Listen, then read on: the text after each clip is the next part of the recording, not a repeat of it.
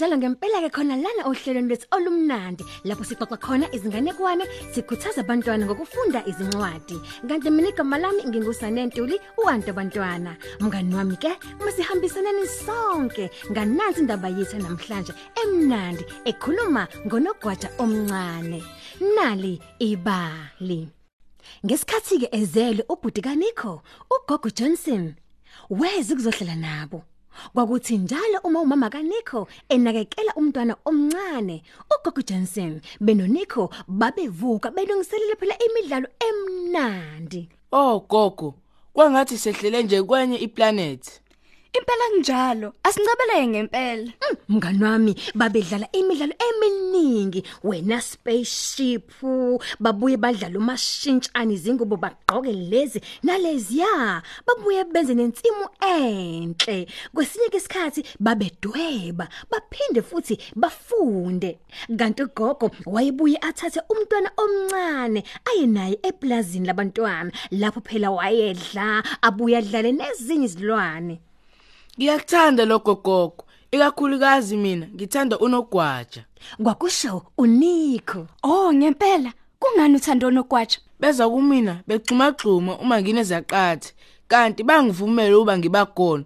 Ngithinte namadlebe abo antofontofo. Ugogo noNico bachitha izinsuku zabo phela benobumnandi kuphela. Kodwa ugogo kaJensen wathi kuzomela phela abuyele ekhaya. Ungahambi gogo. Mm, kwakubalisa uNico. Wayengathandi ngempela ukuba ugogo Johnson ahambe.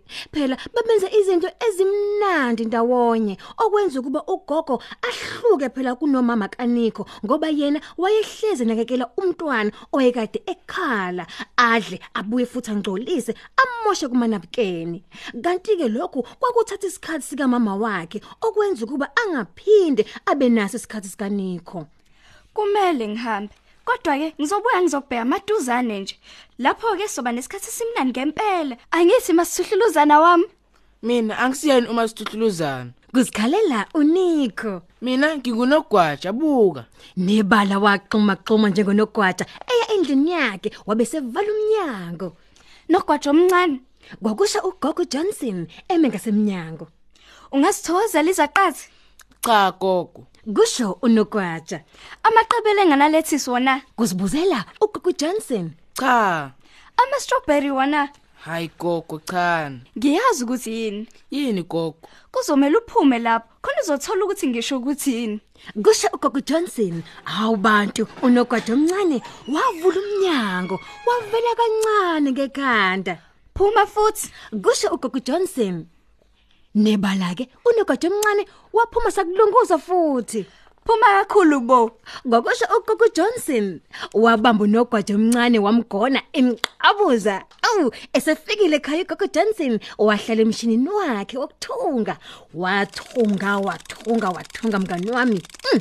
Kwathi ngokuqhubeka kwesonto ntambama indoda yeposi yashiya isaziso esithize eyasifaka phela eboxini lamaposi elalisho ukuthi kunephasela lakhe lelikade lisehhovisi lekade phela livela kuGogo Johnson konje kungaba yini mngani wami Mama, kunephasela elilinde mina eposini. kusho uNico Oh, kwakuhleke lokho. Kuzomela sililande. kwasho umama kaNico nani ngababona ninabangani bami indlela phela bakade bejabule ngayo umama wakhe wase kuzomela baye kolanda Singamshiya umntwana ekhaya.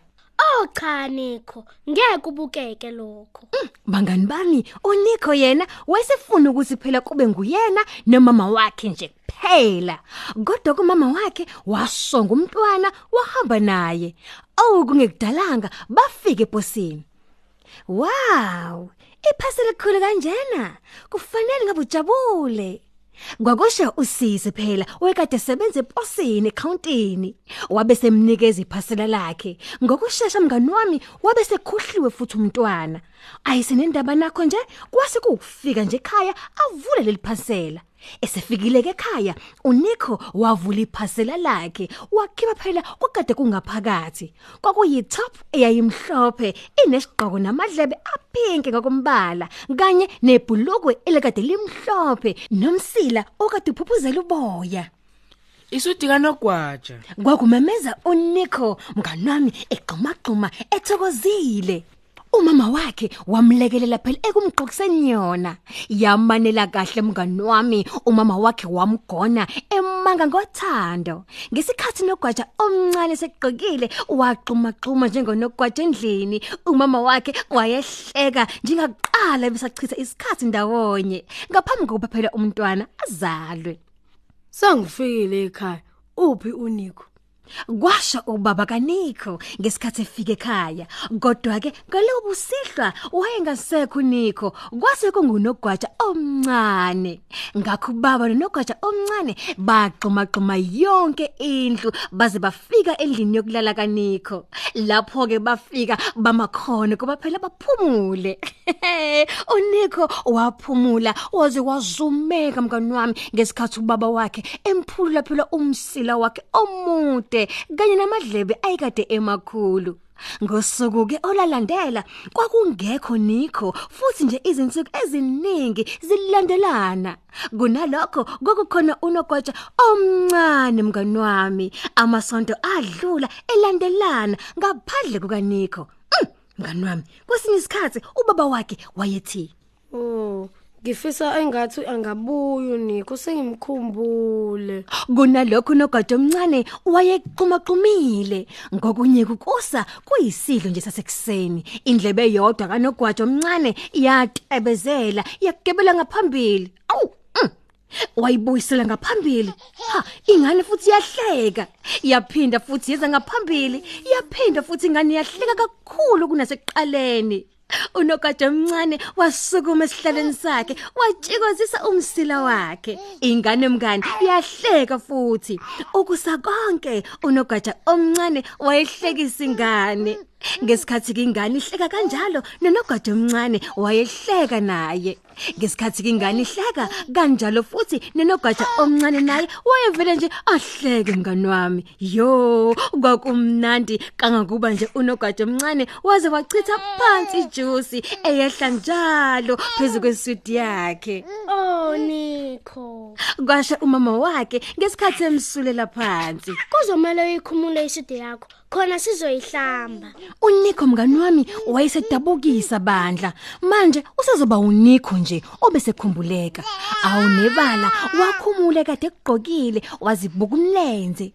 Umntwana naye wambuka imlenze wahleka wasukuma wenza ubuso obuhlekisayo wahleka futhi umntwana uNico wenza umsindo futhi ohlekisayo Uyakuthanda lokho angithi bhuti. Umntwana wahleka wamemeza.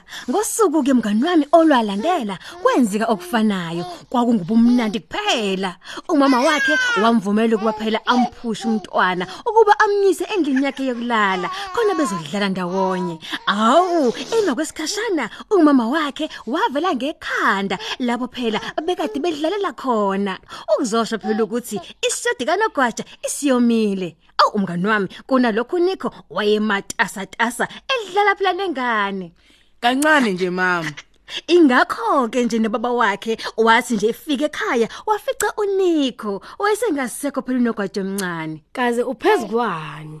Ngidlala nobhuti. Ke ngadlala nami. Yebo. Yes. Kwasha ubaba kaNico wabe sehlanganyela ekudlaleni nabo. uNico kanye nengane ubhuti. Badlala iwrestling phezulu kombhede kaNico. Impela baba nesikhathi esimnandi mngani wami nobhuti naye futhi wagcina sezumekile. uNico walekelela umama wakhe bembeka embhedeni wakhe wokulala base bemqabuza ukuba phela alale kahle. NoNico naye wayekolala ejabulile ukuthi sethole ubhuti omusha azodlala naye. Siluphatha lana ke namhlanje uhlelo lwethu. Qhubeka nje uthole ezinye izindaba ezimnandi ngolimi lwakho. Ngokungena nje kwimobisite yethu ngomakhalekhokhini wakho kunalibali.mobi noma uzitholele ikhophi nalibali njalo ngamasonto ephepheni lakho iSunday World. Kanti uyasithola ku Mixit na ku Facebook mina ngingusane Ntuli uwantu abantwana ngithi nje kini ni sale kahle.